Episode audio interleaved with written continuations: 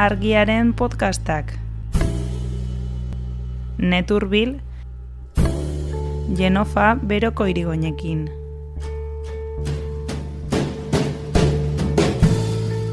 Historia hau ez da kontatzen, orokorki estatu batuetan autoktonoen uh, erailketa masibo hori eta haien kulturaren desagerpena historia ofiziala idazten dutenen partetik oraindik ez da genozidio gisa definitzen. Kolonoak etorri haintzin, iduriz irurogei milioi edo litaizke ipar eta ego Ameriketan eta gaur egun bos milioi dira. Eta beraz, eskegemate egun hori ere nunbait uh, historiaren gordetze fenomeno horren bahnera ere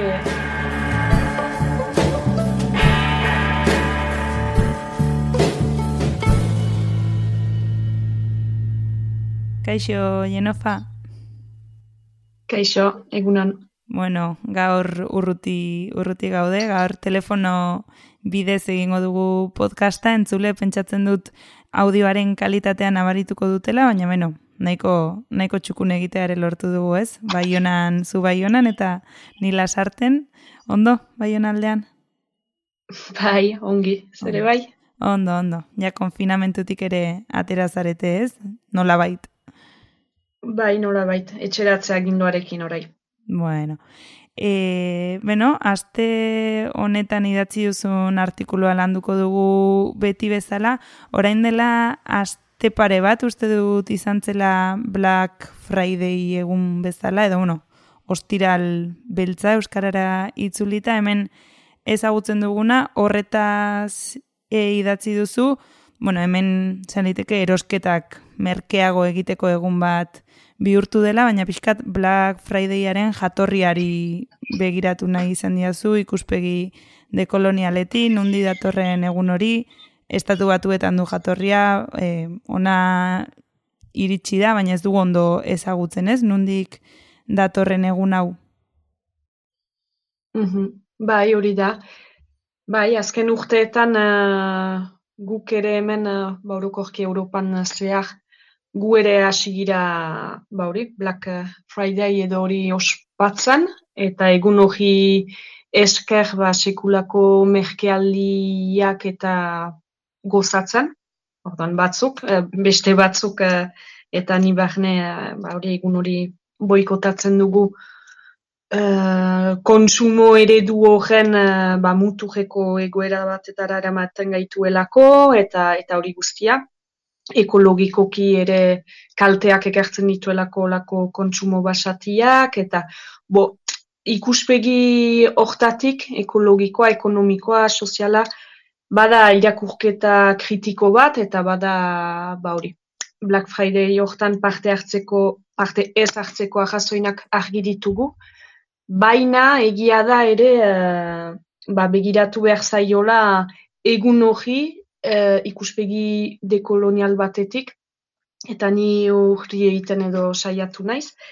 Zeren uh, guk hartzen dugu ostiral beltza edo ba hori, merkealdi egun gisa, uh, estatu batuetan egiten duten gisara, baina ez dakigu ere ez nundik heldu den hmm. egun hori, e, zer den gibelean, eta egun hori begiratzen ba zaio, uh, arraslotua da bezperan egiten den eh, besta bati. Uh, Thanksgiving edo deitzen dutena, eske jemate eguna euskaraz. Eta beraz, eske jemate egun hori gabe ez da ostiral beltzik. Hmm. Beraz, importantea zitzaidan egun hori begiratzea eta eta begiratzen baldin bada, ba, oartzen gira. Oinagian badela estatu batuetako historioa eta beraz, uh, parte den autoktonoen edo genozidio edo erailketa eta ba hori, historia mm. beltz hori. Bai, egun beltz baten ondorena dela, baina baina ez hemen ulertzen dugun ikuspegi kontsumista eta horrekin e, esan duzu eskerremate eguna, bueno, hemen egoaldean hainbat pelikulatan eta niri hori gogorarazten zidan, ez? Dia de acción de gracias askotan entzun dugu, baina horren jatorria ere ez genuela ezagutzen eta hori ezagutzeko mila seireunda hogeita batera egin behar da salto ez? E, Amerikako estatu batuetan zer gertatu zen urte horretan? Bai, hori da. Eta beraz, justu fite-fitea lotura egiteko, uh, ostiral beltza beti izaten da eske jemate egun horren biaramuna. Eske jemate eguna beti izaten da azaroko azken ostegunarekin.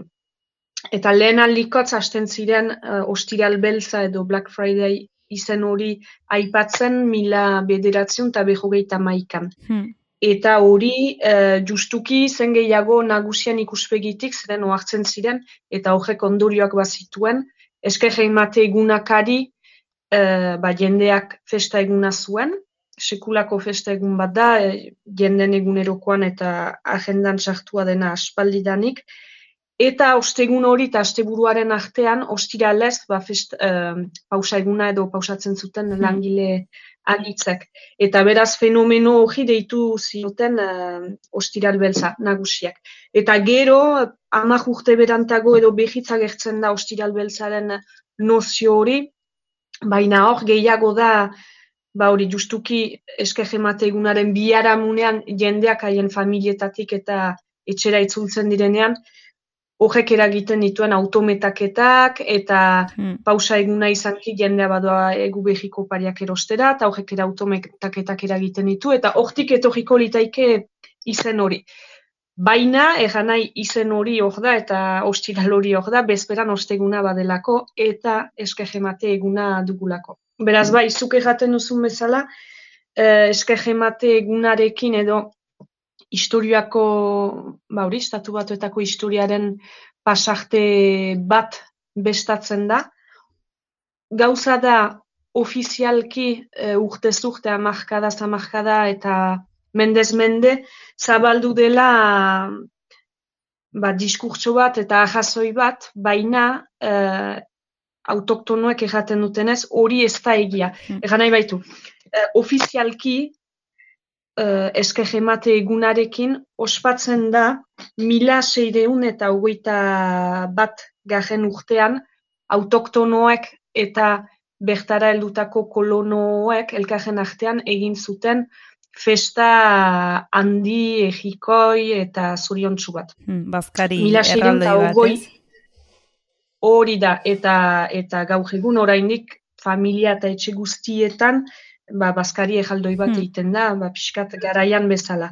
Uh, kontua da, uh, Baskari ejaldoi hori intzutela, hori beti diskurtso ofizialaren arabera, urte bat lehenago etorri zirelako kolonoak, uh, plimuteko kolonia deitzen da, hauek estatu batuetara etorritako bigarren koloniak ziren, eta ba, urte bat lehenago etorri ziren amagnaka, baina ez ziren baitez bada iztari onak, ez ziren baitez bertako lujari lotutako laborantza bat edo garatzeko gaitasunarekin, ez ekiten baitez bada jantzatzen edo ez nahikoa, eta beraz kasik denak hil ziren. Hil ziren eta gelditzen zirenai bai duriz autoktonoek bai haien jakintza e, pasazieten, haien jakintza e, hango egoeraren eh, behi eman eta hori esker ba lortuko zuten kolonoek e, ba hango errealitateari egokitzen eta urte gero ba bizirauten. Hmm. Hori da. Eta hori ospatzeko egin omen zuten apairu hori. Baina gauza da ez dela ala, bai izan zen apairu hori, egin egin zen, baina egin zen urte hortan eta ondoko urteetan etzen egin. Hasiko da a, apairu hori edo eske jemate egun hori ofizialki eta erregularki ospatzeko fenomeno horrek, mila seireun eta hogeita mazazpian du mm. sortze urtea.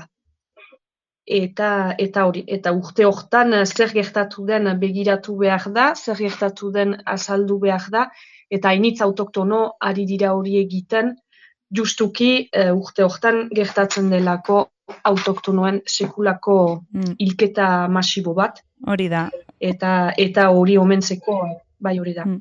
Orain arte kontatu duzuna litzake nolabait bertsio ofiziala edo bueno, saldu dena, baina gero e, beste autoktonen bertsio hori kontatzeko erreportaje batean oinarritu zara, ez? Pekuetoko sarraskia kontatzen duen erreportaje batean, esan dugu bezala, mila seireun da hogeita mazazpian, hogeita mazazpiko maiatzaren hogeita zeian izan zen pekuetoko sarraskia, da zer, zer gertatu zen hor? Bai, orduan pekoteko sarraski hori gertatzen da, e, ba, bertako autoktonoa kolonizatua direlako, haien lujak lapurtuak dira, haien uh, hizkuntza ohitura eta, eta sinesmen guztiak zango pilatuta, eta beraz bada egesistentzia bat nunbait kolono horiai begira.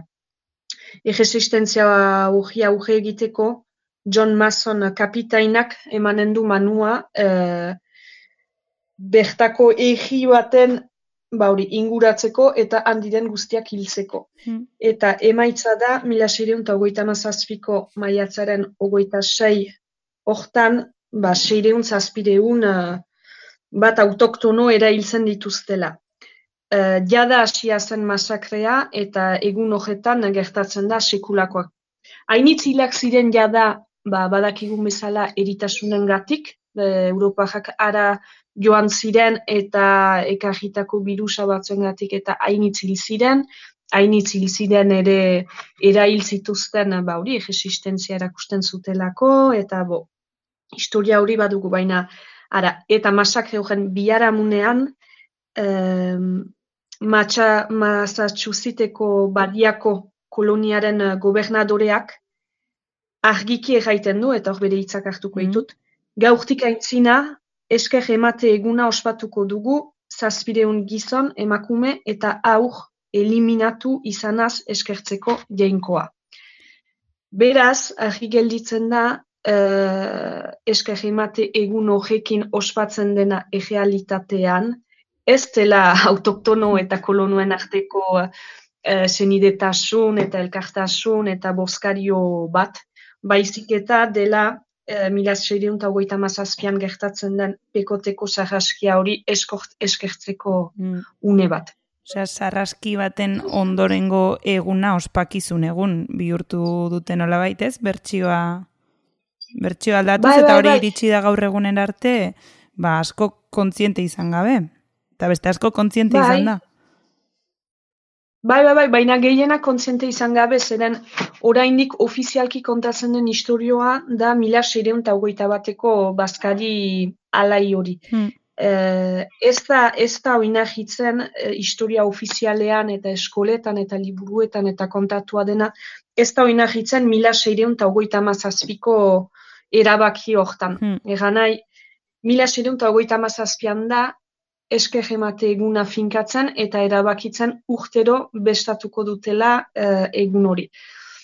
Mm. Eta hori jendeak ez daki, uh, jendeak ez daki, zeren, uh, zeren historio, historia hau ez da kontatzen, orokorki estatu batuetan autoktonoen uh, erailketa masibo hori eta hien kulturaren desagerpena uh, oraindik ba, tabu da eta eta historialarien partetik eta historia ofiziala idazten dutenen partetik oraindik ez da genozidio gisa definitzen eta alta badakigu e, kolonoak etorri zirenean hainbat urtez hor hainbat urteko emaitza izan zela bertakoen euneko larugeita maja desagertu izana. Badakigu gaur egun ere uh, estatu batuetako biztanleriaren euneko bat koma sei ordezkatzen dutela autoktonoek. Bos milioi dira, uh, kolonoak etorri haintzin sifre ezberdinak dira, baina iduriz irurogei milioi edo litaizke ipar eta ego Ameriketan, eta gaur egun bos milioi dira. Bo, genozidio hori gertatu da, baina ez da aipatzen eta beraz, uh, eta beraz esker emate egun hori ere nunbait uh, historiaren gordetze mm. fenomeno horren bahnera ere ba, mm. gordetzea mm. realitate hori. Baina, bueno, ari dira, ez, horri buelta eman nahian, zen duzu, e, autoktono asko daudela e, Ameriketako estatu batuetan, eta pixkat e, ari dira, aktivismotik ere egun horri eskerremate egun horri buelta eman eta dolu egun izendatu nahian, edo bueno, izendatu zuten, ez? Sarraski baten ondoreneko dolu eguna izan beharko lukela, naiz eta horrek ezkendu bazkari bat egitea, e, arrazoia bazkari hori egiteko beste badela eta ez eskerrematearena. Bai, hori da, mila bederatzen eta irurogeita mar garen urtetik, uh, batzuk hasi dira egun hori uh, dolu egun gisa definitzen. Hainbat estatutan nola definitzen dute, hori da, ba, hori autoktonoei, autoktonoek egindako lanari esker. Mila behatzen eta irurogeita magean, ze justuki urte hortan ospatu zuten, ospatu erraiten ze festa gisa ikusten dute, irureun eta behoi, ba hori, kolonoen etojeraren irureun eta behogeita amargaren uh, urtea. Eta uh, omenaldi hortan edo memoriarik eta hortan deitzen da Uamzuta Frank James, autoktono bat da, berak hitza hartu zuen justuki hojoitarazteko uh, pekoteko txahaskia hori eta autoktonoek jasandako ba, hori bazterketa eta genozidioa, baina zentzuratu zuten, eta bere diskurtsoa ezin izan zuen uh, ba, entzulea iluzatu, eta orduan hor erabaki zuten, ba, megoazen, egun hau dolu egun izendatzera eta behintzat balioko digu guri autoktono gisa uh, ba hori iragan hori begiratzeko ariketa iteko uh, osatze ba hori behitz osatzeko hmm. eta sendatzeko eta eta trauma hortatik ba kolektiboki behintzat egun bat hartu eta eta historia beltz hori begiratu elkarrekin eta biskat ba hori sendatze edo osatze prozesu gisa hmm. finkatzen dute dolu eguna osatze eta sendatze prozesu gisa, baina baita ere eh, gaur egun autoktonoek bizi duten uh, diskriminazioa eta jazakeria salatzeko egun gisa ere nahi dute baliatu. Eta hor egon naiz begiratzen pixkat uh, zenolako diskriminazioak edo bizi dituzten, eta eta eta higarria da, eta ahas gutien zuten da, baina autoktonoen estatu batuetan, eh? autoktonoen lauetarik bat pobrea da, uh, autoktono gizonen artean bakarrik euneko goita maseiak du lan kontratu duin bat, Orduan pentsa dezakegu emakumen artean xifre oraindik apalago dela. Uh, emakume autoktono batek Amerikak txuri bati konparatuz, ba, badu iru koma bost aliz gehiago ahisku bortxatuak izateko. Uh, bortxatzaileetan gehiengo handi handian ez da autoktono bat, euneko laro gehieta seian da ba, beste, hmm. beste kultura edo beste etnia bateko bat. Uh, suizidio tasa gazteetan ikaragaji handia da, uh, Amerikak zuriei konparatuz bikakots bost aliz gehiago suizidatzen da uh, autoktono gazte bat. Autoktono gazteetan uh, laurdenak badu sindrome post-traumatikoa, laur dena ikaragarria da. Hori da, Irakeko edo Afganistaneko gerla egin duen soldaduen artean den kopurua. Beraz, pentsa daiteke ojarazo bat badela, ze prinsipioz ez dira gerlan, baina kantitatea bera da. Eta eta hori guztia, poliziaren jazakpena eh, ikaragarria da, asko aipatzen da afro-amerikajek jasaiten dutena, baina autoktonoak jasaiten dutena ein berekoa da, ez bada gehiago, e, eta nola ez aipa ere haien hizkuntzak badituzte hizkuntza propioak eta horiek ere UNESCOren arabera desagertzekotan dira. Egun eta ogoita bat hizkuntza edo desagertzekotan ame, amerindiajen artean. Bo, egoera gaur egun olakoa da eta beraz egoera beltz hori eta diskriminazio eta jazakeria sistematiko eta estruktural hori salatzeko egun bezala hartzen hmm. dute. Bai, buelta emateko pixka kontakizunari, eman dituzun datuak e, ikaragarria dira, eta, bueno, askotan hitz egin izan dugu podcast honetan baita ez, estatu bat zurekin e, supremazismo txuria zaritu ginenean, nola e, estatu batuetako gizartean, osea, oso egiturazkoa denez, arrazakeria, bazterkeria, supremazismo txuria, eta hori argita garbi ikusten da eman dituzun datuetan, eta gero e, hitz egiten ari ginena, ez, nola oso inkontzientea den baita egun hauen ospakizuna, bukaeran aipatzen duzu, nola familia autoktono askotan ere eskerremate eguna ospatzen den. Eta nahi dutela horri, ez, ospatzeari utzi gabe, ba, pixkat e, memoria historiko hori landu eta eta horri buelta eman, ez?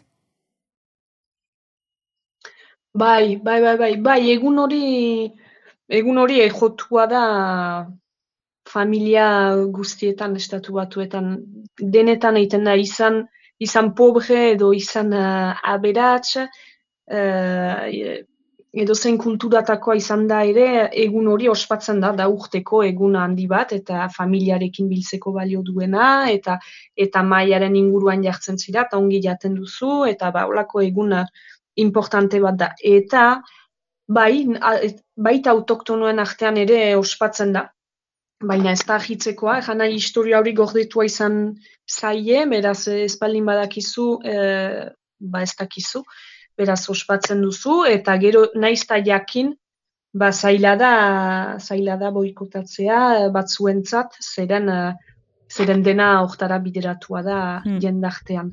E, batzuk boikotatzeko mesua baino gehiago, une hori, une importante hori, ikuspegi dekolonialitatetik edo bizitzeko hmm. ba, bidea edo proposatzen dute. Adibidez, hor bada Nefi Greig, deitzen da, sukaldari bat, nahiko ezaguna, ba, berak erraiten du, uh, ba hori, uh, modu dekolonialean ospatzeko bide bat izan daitekela, ba, adibidez, bertako mozkinekin sukaldatzea edo edo landare indigenekin, eh, aztertzea zein, eh, zein elikagai eh, zein elikagaiek duten eh, oinagia ba, bertan eta hoiekin txukaldatzea eta hmm. pixkat eh, ba, momentua beheskuratzea eta haien identitatetik eh, behera ikitzeko. Eh, beste batzuk erraten dute, ba hori esker emate eguna izanki, ba, ba goazen eskertzera nahi duguna, goazen eskertzera iraganean uh, hor ziren gure ahbasoak eta eta luja landu dutenak eta gaur egun arte elikagaia elikagaiak segurtatzeko bidea idekizutenak eta ba hori hmm. momentua bestatzea baina ba, bakoitzak beretik eta eta bakoitzak uh, sede duena aldajikatuz. Ba, oso no, eskertzen dizugu, kontakizun hau ekarri izanak, ogoratuko dugu eskerremate egunari buruzari garela, baina bueno, hemen ospatzen den Black Friday egun horren e, jatorrian dagoenaz, beraz, lehendik ere nahiko arrazoi ez bagenituen egun hori ez ospatzeko, ba honek, bat gehiago ematen digu, ez? Bai, bai, bai, ahunt. Eta pena bakaja artikulua atera izana ba, Black Friday hori gero, baina bo, espero bueno. entzu irakurriko duela eta bai, gogoan hartuko duela. Urren urtean ere Black Fridaya izango da. Ez dut uste urren urterako bai. kenduko dutenik, beraz, balioko digu urren urterako ere, artikuluak eta eta beno, ba, mendik bi astera edo, bueno, gehiagora, zeren gabonetako oporra datoz, beraz, ba, urrengo urtean, egongo gara berriro. Bai, hori da. Mil esker. Zuri, Jenofa, agur.